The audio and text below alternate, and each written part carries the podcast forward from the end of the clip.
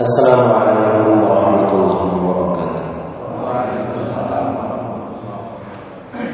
بسم الله الرحمن الرحيم. الحمد لله رب العالمين. وبه نستعين على أمور الدنيا والدين. والصلاة والسلام على أشرف الأنبياء والمرسلين نبينا محمد وعلى آله وصحبه أجمعين أما بعد الحمد لله kita bersyukur pada Allah Subhanahu wa taala pada hari ini Sabtu pagi 26 Jumat Tsaniyah 1438 Hijriah kita ditakdirkan dan dimudahkan oleh Allah Subhanahu wa taala untuk sholat subuh berjamaah dan setelah sholat subuh mengadakan beberapa atau mempelajari beberapa ayat suci Al-Quran dan hadis dari Rasul Sallallahu Alaihi Wasallam. Salawat dan salam semoga selalu Allah berikan kepada Nabi kita Muhammad Sallallahu Alaihi Wasallam pada keluarga beliau, para sahabat, serta orang yang mengikuti beliau sampai hari kiamat. Dengan nama Allah yang husna dan sifat-sifat yang mulia, kita berdoa Nas'aluka ilman nafi'an wa rizqan tayyiban wa amalan mutaqabbala. Wahai Allah sesungguhnya kami mohon kepada Engkau ilmu yang bermanfaat, yang baik dan amal yang diterima. Amin ya. Bapak Ibu saudara-saudari yang dimuliakan oleh Allah Subhanahu wa taala, saya ucapkan jazakumullahu khairan kepada terutama Dewan Kemakmuran Masjid Nur Taqwa di Rimbo Bujang ini yang telah memberikan kesempatan di pagi hari ini untuk sedikit membacakan beberapa ayat suci Al-Quran dan hadis dari Rasulullah Shallallahu Alaihi Wasallam. Tema yang kita pelajari pada pagi hari ini adalah sebuah hadis Rasul dari Ummu Salamah radhiyallahu anha yang diriwayatkan oleh Imam Muslim. Ummu Salamah radhiyallahu anha berkata, "Kana Nabi sallallahu alaihi wasallam idza sallama min salati subh yaqul, As'aluka ilman nafi'an wa rizqan tayyiban wa 'amalan mutaqabbala." Nabi Muhammad sallallahu alaihi wasallam senantiasa selalu jika telah selesai sholat subuh mengucapkan salam maka beliau berdoa doanya As'aluka ilman nafi'an wa rizqan tayyiban wa 'amalan mutaqabbala Bapak Ibu saudara-saudari yang dimuliakan oleh Allah doa ini cocok dan sangat-sangat tepat dibaca di setiap pagi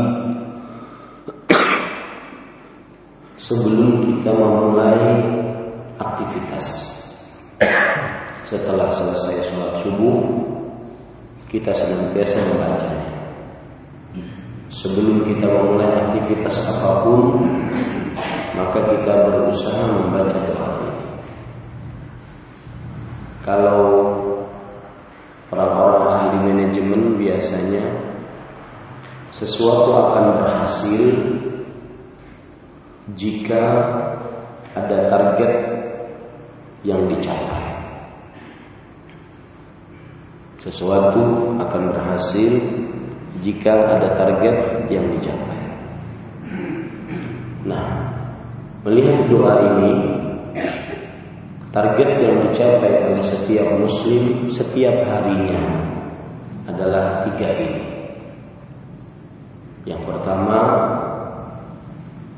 ilmu yang bermanfaat. Yang kedua, rezeki yang baik. Dan yang ketiga, amalan yang diterima. Tiga inilah yang semestinya senantiasa selalu ditargetkan oleh seorang muslim setiap harinya. Ilmu yang bermanfaat, rezeki yang baik, dan amal yang diterima.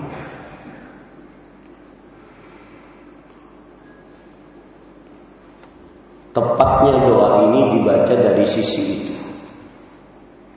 bahwa setiap pagi kita wajib memiliki target.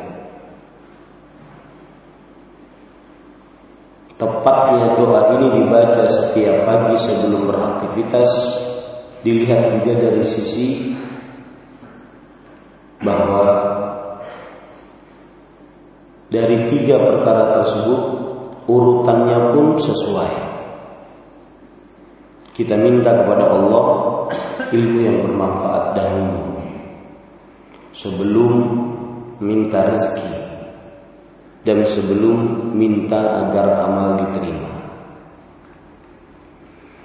Karena rezeki yang baik kita akan bisa membedakan mana rezeki yang baik, mana rezeki yang buruk dengan ilmu yang bermanfaat. Kita juga akan bisa amalan kita diterima oleh Allah dengan ilmu yang bermanfaat. Jadi pembacaan doa ini di setiap pagi setelah sholat subuh sangat tepat dari dua sisi.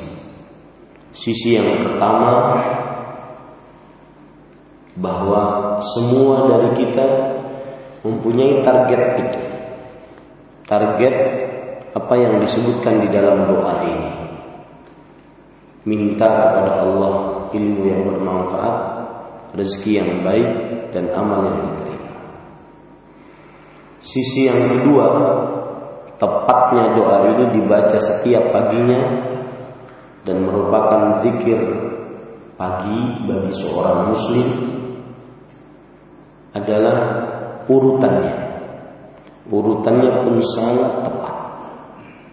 Yaitu minta ilmu yang bermanfaat sebelum rezeki yang baik dan sebelum amal yang diterima. Karena seseorang akan bisa membedakan mana rezeki yang halal, mana rezeki yang haram dengan ilmu yang bermanfaat. Seseorang akan bisa membedakan mana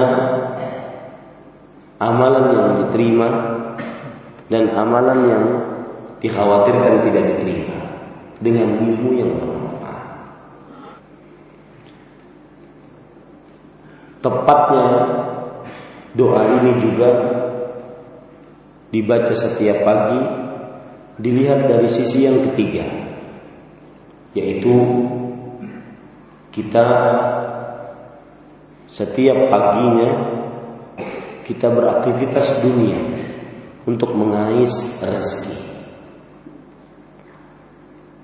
Dan juga jangan lupa kita juga beramal ibadah karena ibadah adalah tujuan hidup seorang muslim diciptakan oleh Allah. Dalam surat Ali Imran ayat 56 Allah Subhanahu wa taala berfirman, "Wa ma khalaqatul jinna wal insa illa liya'budun." Tidaklah diciptakan jin dan manusia kecuali untuk beribadah kita diperintahkan untuk beramal. Dan amal yang diterima salah satu yang diminta di dalam doa tersebut. Perintah pertama kali di dalam Al-Quran Kalau kita buka Al-Quran Dari mulai Al-Fatihah Kita tidak akan dapati perintah Kita buka surat Al-Baqarah Kita tidak akan dapati perintah Sampai kepada ayat yang ke-20 Tidak ada perintah. Baru pada ayat yang ke-21 Ada perintah. Perintahnya yaitu beramal Ya ayuhan nas u'budu rabbakum alladhi khalaqakum. Wahai manusia sembahlah ibadahilah Rabb kalian yang telah menciptakan Jadi doa ini penting untuk dibaca setiap setelah selesai sholat subuh. Saya ulangi doanya Allahumma inni as'aluka ilman nafi'a wa rizqan tayyiban wa amalan mutaqabbal. Kita akan kupas satu-satu doa ini. Ketika Rasulullah sallallahu alaihi wasallam bersabda, "Allahumma inni as'aluka ilman nafi'a." Allahumma Sering sekali di dalam doa-doa Rasulullah sallallahu alaihi wasallam memakai ucapan Allahumma. Sedangkan di dalam Al-Qur'an sering memakai ucapan Rabbana. Rabbil firli Rabbana firli Rabbana hablana Rabbana atina Rabbana Rob, Rob, Rob. Apa rahasianya? Rahasianya adalah ketika doa itu berasal dari Rasulullah dan Rasulullah Sallallahu Alaihi Wasallam adalah seorang hamba Allah yang menghambakan dirinya kepada Allah dan penghambaan dalam bahasa Arab adalah uluhiyah. Penghambaan diri kepada Allah adalah uluhiyah. Makanya sering memakai ucapan Allahumma.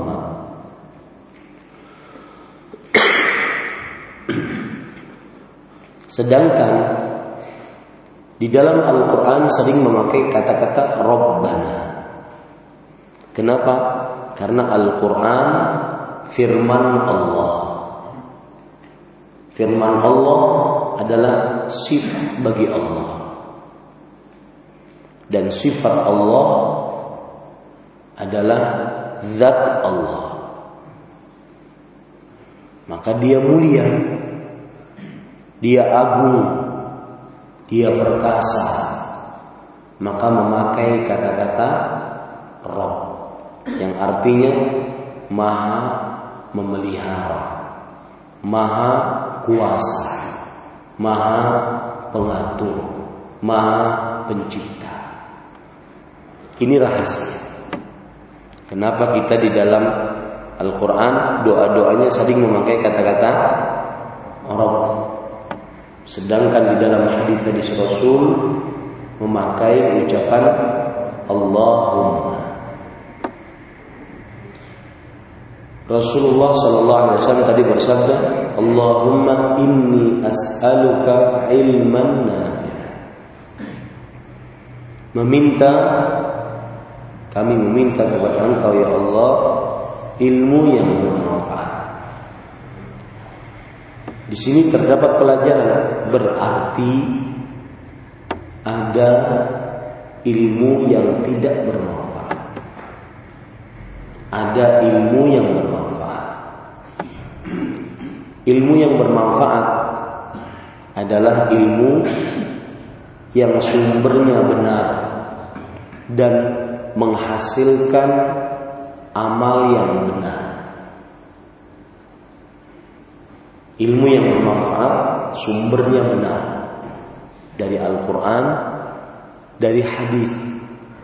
Bukan menurut saya, bukan menurut pendapat saya, bukan menurut logika saya, bukan menurut mimpi saya, bukan menurut perasaan saya atau perasaan manusia.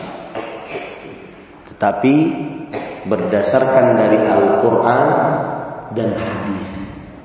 Ini ilmu yang benar. Sumbernya benar.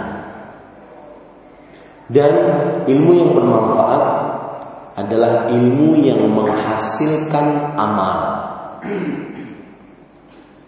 Sekarang kita menuntut ilmu.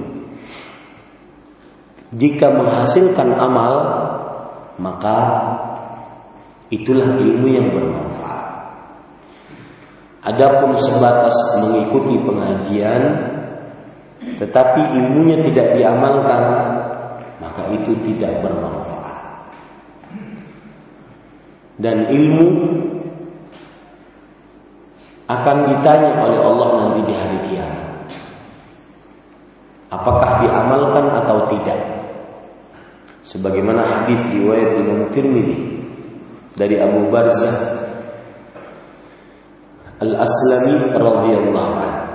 Rasul sallallahu alaihi wasallam bersabda, "La tazulu qadama 'abdin al qiyamah hatta yus'ala an 'umrihi fima afna wa an 'ilmihi fima fa'al."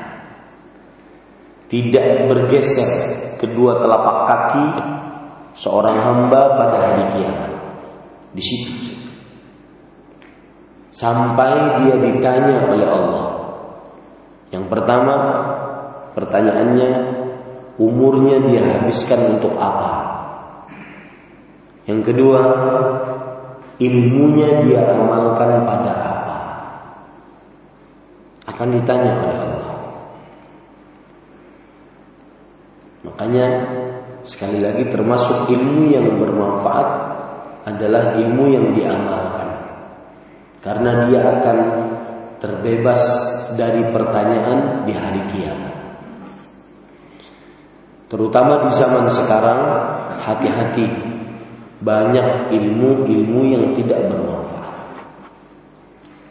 Di zaman orang mudah mengakses informasi. Lewat handphone bisa dapat tulisan. Lewat televisi bisa dapat tontonan lewat radio bisa dapat pendengaran. Orang-orang kadang ngomong tentang ilmu, akan tetapi tidak bersumber dari sumber yang benar. Sumbernya kadang-kadang dari logika, akal,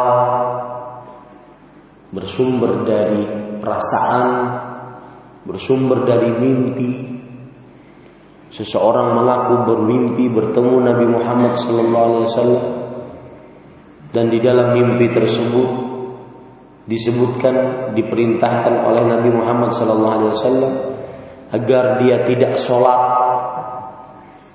Ini bukan ilmu yang bermanfaat. Ilmu hanya dari perasaan menurut saya, perasaan saya. Ini bukan ilmu. Tapi ilmu itu berdasar dari Allah dan dari hadis Rasulullah SAW. Kenapa demikian? Karena Al-Quran adalah wahyu dari Allah yang tidak mungkin menyimpang. Allah Subhanahu wa taala berfirman, "La ya'tihi al-batilu min bayni yadayhi, la min khalfihi." tanzilun min hakimin hamid. Al-Quran tidak ada datang kebatilan padanya sebelum atau sesudahnya. Al-Quran turun dari Allah yang maha bijaksana dan dari Allah yang maha terpuji. Hadis Rasul Shallallahu Alaihi Wasallam sumber ilmu yang bermanfaat. Karena Allah berfirman dalam surah An-Najm, "Wa ma yantiqu 'anil hawa in huwa illa wahyun yuha." Dan tidaklah Nabi Muhammad SAW berbicara dengan hawa nafsu, kecuali itu adalah wahyu yang diwahyukan. Saya berpesan hati-hati di zaman sekarang banyak ilmu-ilmu yang tidak bermanfaat dari dua sisi. Dari sumbernya tidak benar dan dari hasilnya tidak menghasilkan beramal. Malah semakin jauh dari agama. Semakin menentang agama. Padahal para profesor intelektual semakin jauh dari agama tidak mengajak kepada ketakwaan, tidak mengajak kepada Al-Quran, mengajak kepada kenusantaraan, tidak mengajak kepada Al-Quran dan hadis. Ini dan insya Allah saya akan jelaskan lebih dalam lagi nanti tatkala kita membicarakan tentang dua faktor penyebab kesesatan. Kemudian permintaan yang kedua Rasulullah Sallallahu Alaihi Wasallam rezeki yang baik. Ini juga berarti ada rezeki yang tidak baik dan ada rezeki yang baik. Kita sebagai seorang muslim diperintahkan dan asal hukum perintah menunjukkan kepada kewajiban diperintahkan untuk mencari rezeki yang baik. Allah Subhanahu wa taala berfirman di dalam Al-Qur'an, "Ya ayyuhar rusul kulu minat thayyibat wa'malu salihan." Wahai para rasul, makanlah dari makan makanan yang baik dan beramal saleh. Dalam ayat yang lain Allah berfirman, "Ya ayyuhalladzina amanu kulu min thayyibati ma razaqnakum." Wahai orang yang beriman, makanlah dari rezeki-rezeki yang kami telah berikan rezeki kepada kalian. Ini semua perintah untuk mencari rezeki yang halal, yang baik, dan diharamkan seorang muslim mencari rezeki yang haram. Dalam hadis riwayat Bukhari, Rasul sallallahu alaihi wasallam bersabda, "Ya'ti 'ala an-nasi zamanun la yubali al-mar'u ma akhadha minhu amin al-halal am min al-haram." Akan datang kepada manusia suatu masa Seseorang tidak memperhatikan apa yang dia ambil, apa yang dia masukkan ke dalam kantongnya, apa yang dia masukkan, yang dia suapkan kepada anak istrinya. dia tidak perhatikan apakah yang halal, apakah yang haram. Mau meminjam uang dari rentenir dari bank konvensional yang itu riba mau mengoplos memalsukan memarkup menyogok menerima sogokan mau menjual barang-barang tidak asli dikatakan asli bersumpah palsu dan segala macam seseorang mencari cara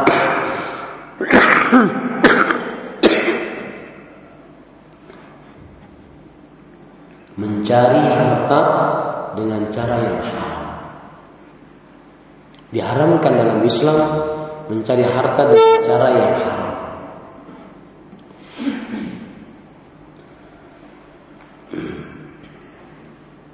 Bahkan ada ancaman di dunia sebelum akhirat bagi orang yang mencari harta dengan cara yang haram. Barakallah. Para ikhwan dirahmati oleh Allah Subhanahu wa taala, ada ancaman di dunia. Contoh orang yang meminjam uang dengan cara riba. Motor membeli dengan cara kredit, kreditnya riba. Karena kalau kita mengkredit barang melalui badan keuangan maka berarti kita sudah berbuat riba seakan-akan kita meminjam kepada badan keuangan ini uang untuk membeli rumah, membeli motor, membeli mobil, nanti kita mengembalikannya dengan jumlah yang lebih banyak. Ini riba. Riba fadl. Riba itulah yang dilakukan oleh orang-orang Arab jahiliyah dahulu.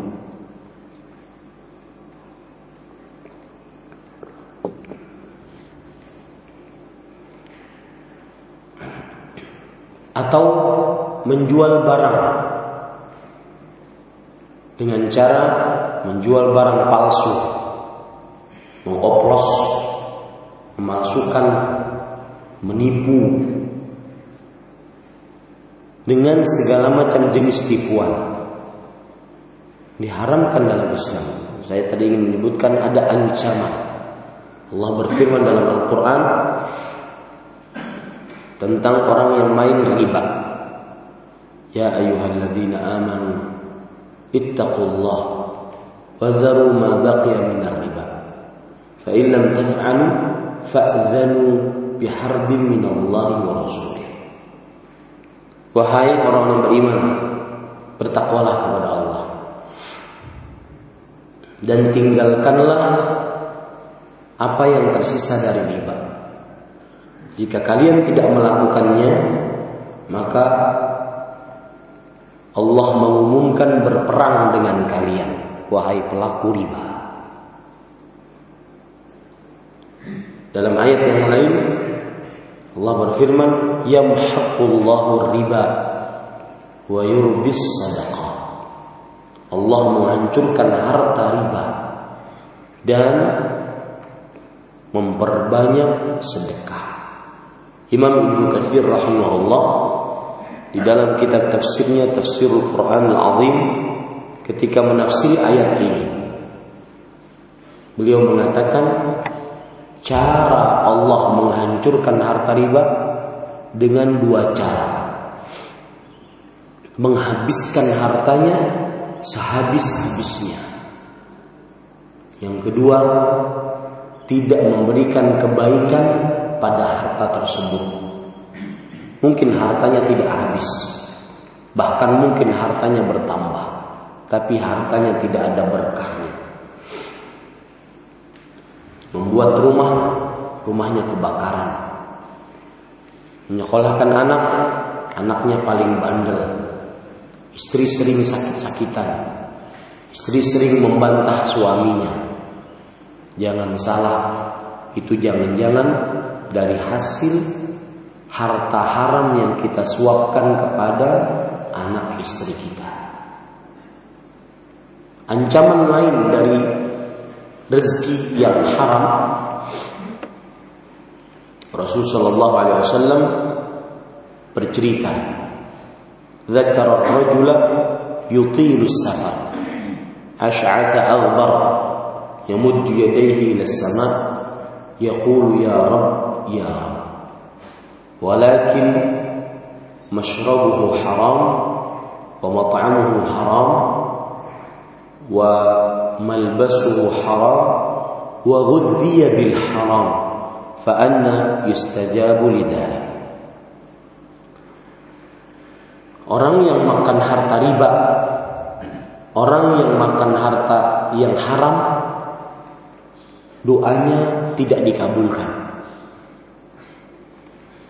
Disebutkan oleh Rasul Shallallahu Alaihi Wasallam tadi, seseorang bepergian dalam waktu yang lama dan bepergian termasuk dari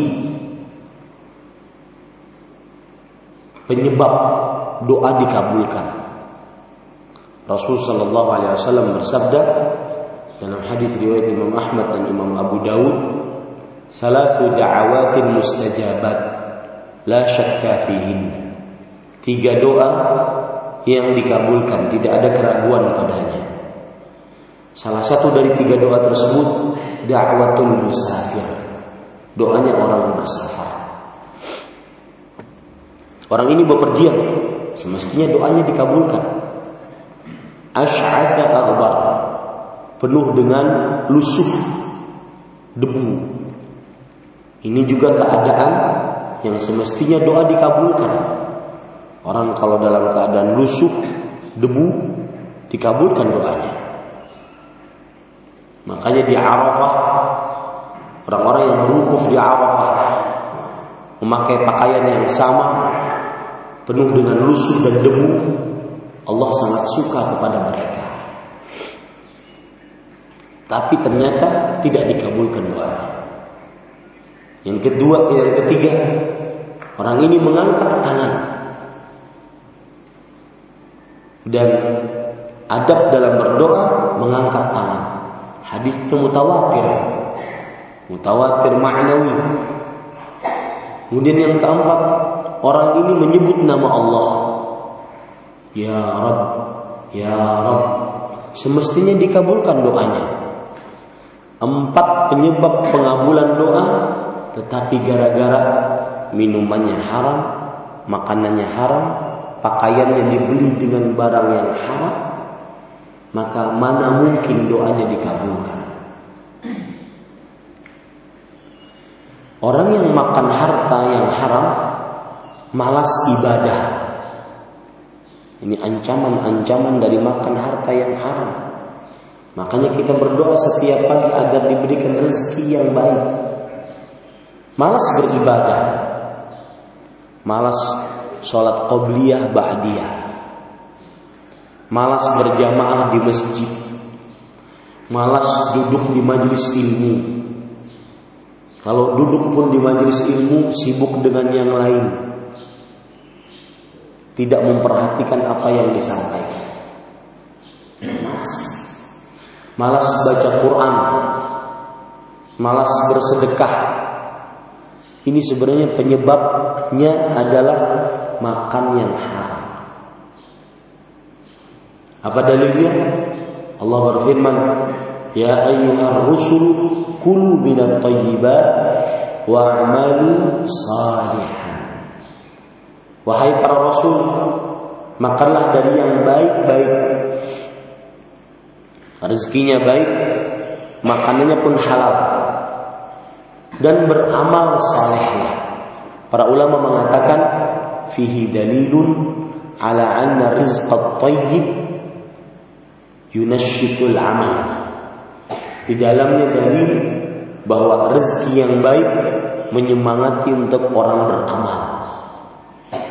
Malas tahajud, malas sholat witir, padahal cuma satu rakaat semalam. Bayangkan dari mulai setelah sholat isya sampai setelah sholat subuh. Sampai sebelum subuh berapa jam? Masa satu rakaat dia tidak mampu untuk sholat witir? Maka hati-hati. Yang ketiga, Rasulullah SAW mengatakan meminta amalan mutaqabbala, amalan yang diterima. Berarti ada amalan yang tidak diterima. Meskipun keringatan beramal ibadah, keluar banyak biaya, tapi tidak diterima. Hati-hati. Sudah capek-capek, lelah-lelah, ternyata tidak diterima. Seorang muslim harus memperhatikan bagaimana dia amalnya diterima. Bukan hanya sekedar bagaimana dia bisa beramal. Saya ulangi. Seorang muslim harus memperhatikan bagaimana amalnya diterima. Bukan hanya sekedar bagaimana dia bisa beramal. Yang sholat subuh ratusan tapi yang diterima sholat subuhnya kita tidak tahu.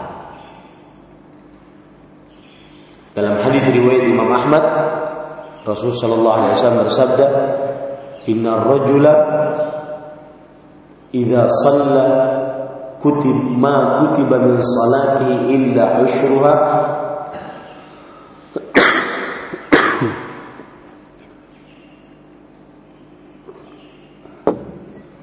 أو تسعها أو ثمنها أو سبعها أو ثلثها أو خمسها أو ربعها أو ثلثها أو نصفها Ada orang sholat dan tidak ditulis dari pahala sholatnya kecuali sepersepuluh, sepersembilan, seperdelapan, sepertujuh, seperenam, seperlima, seperempat, sepertiga, setengah. Bahkan ada yang tidak diterima. Makanya kita ketika beramal yang ada dalam pikiran kita bagaimana amal diterima. Bukan hanya sekedar beramal. Lihat perkataan ulama-ulama terdahulu menantu Rasulullah sallallahu alaihi wasallam di antaranya Ali bin Abi Thalib radhiyallahu anhu Beliau berkata, "Kunu liqabulil amal ashadda minkum ihtimaman minal amal." Alam tasma'u Allah azza wa jalla yaqul, "Innama yataqabbalu Allah minal muttaqin." Jadilah kalian lebih perhatian kepada amalan diterima atau tidak dibandingkan beramal itu sendiri. Bukankah kalian apakah kalian tidak mendengar Allah berfirman? Sesungguhnya Allah hanya menerima dari orang-orang yang bertakwa. Tidak semua diterima. Kata innama harfu tadullu ala al-harsri wal imtina. Huruf yang fungsinya membatasi dan menolak yang lain masuk. Hanya orang yang bertakwa yang diterima Allah. Yang tidak, tidak diterima. Yang ahli sholat banyak. Tetapi yang diterima oleh Allah mungkin sedikit. Yang ahli baca Quran, sekarang anak-anak lagi ramai menghafal Al-Quran. Banyak. Tetapi yang diterima oleh Allah sedikit. Mungkin karena sudah hafal, diperlihatkan hafalannya ke sana kemari, akhirnya ria, akhirnya ditolak oleh Allah. Maka hati-hati. Doa tadi wa amalan mutaqabbal. Bagaimana yang ada dalam pikiran kita bukan hanya sekedar beramal, bagaimana amal diterima.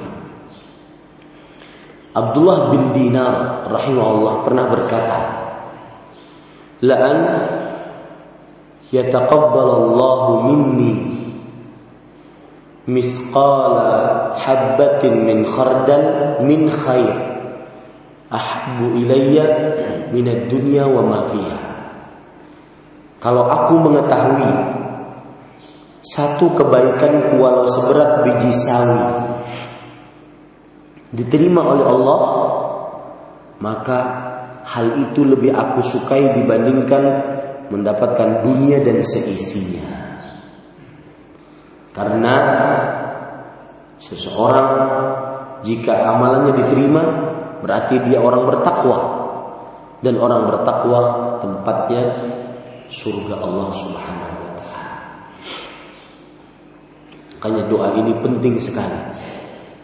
Satu hal lagi tentang amalan yang diterima, amalan tidak akan diterima dan tidak akan pernah diterima.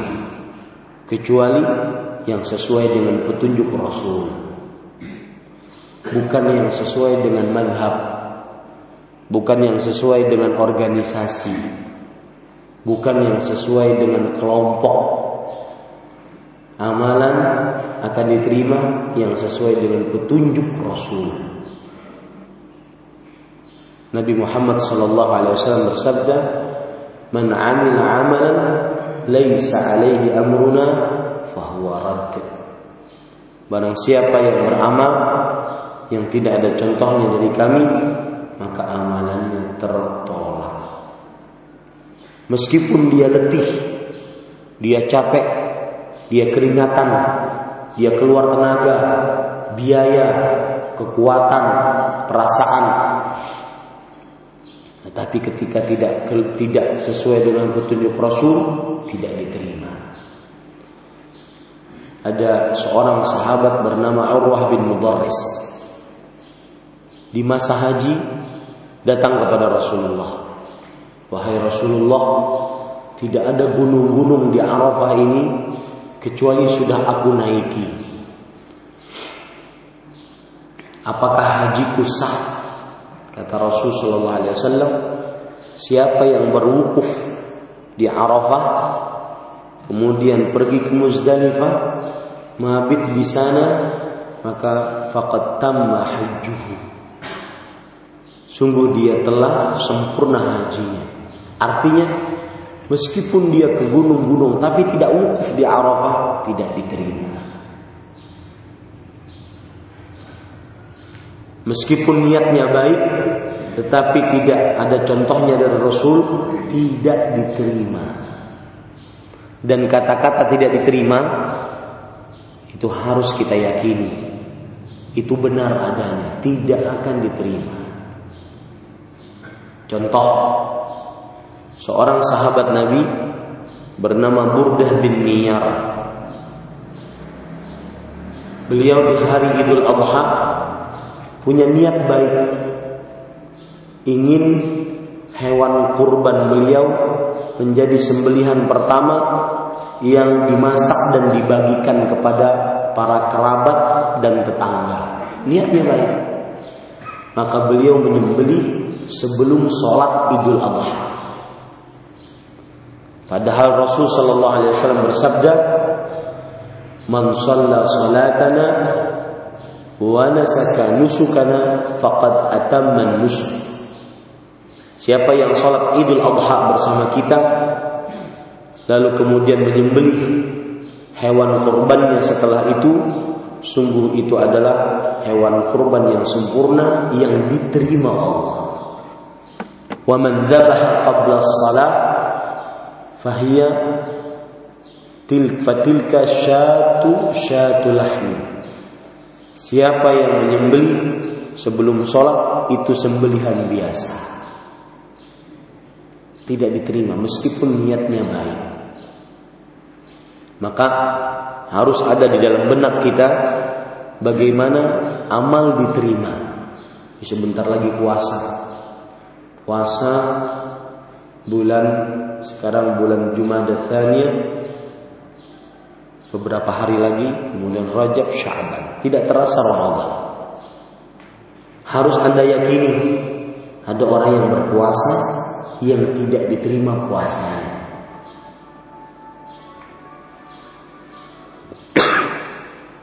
Rasul sallallahu alaihi wasallam bersabda dalam hadis riwayat Imam Ibnu Khuzaimah, "Rubba sha'imin hadduhu min siyami al-ju' wal. Berapa banyak orang yang berpuasa, bagian puasanya cuma lapar dan dahaga. Tidak ada pahalanya. Ada pasti seperti itu, pasti. Siapa mereka? Orang-orang yang tidak bertakwa tatkala puasanya. Puasa-puasa telinganya masih mendengarkan yang diharamkan. Puasa-puasa matanya masih melihat yang diharamkan. Apalagi acara-acara televisi Semakin Ramadan, semakin 10 hari terakhir, semakin ramai sinetronnya. Puasa-puasa masih berdusta, masih bersumpah palsu, masih menghibah, masih namimah, masih menipu dan semisal.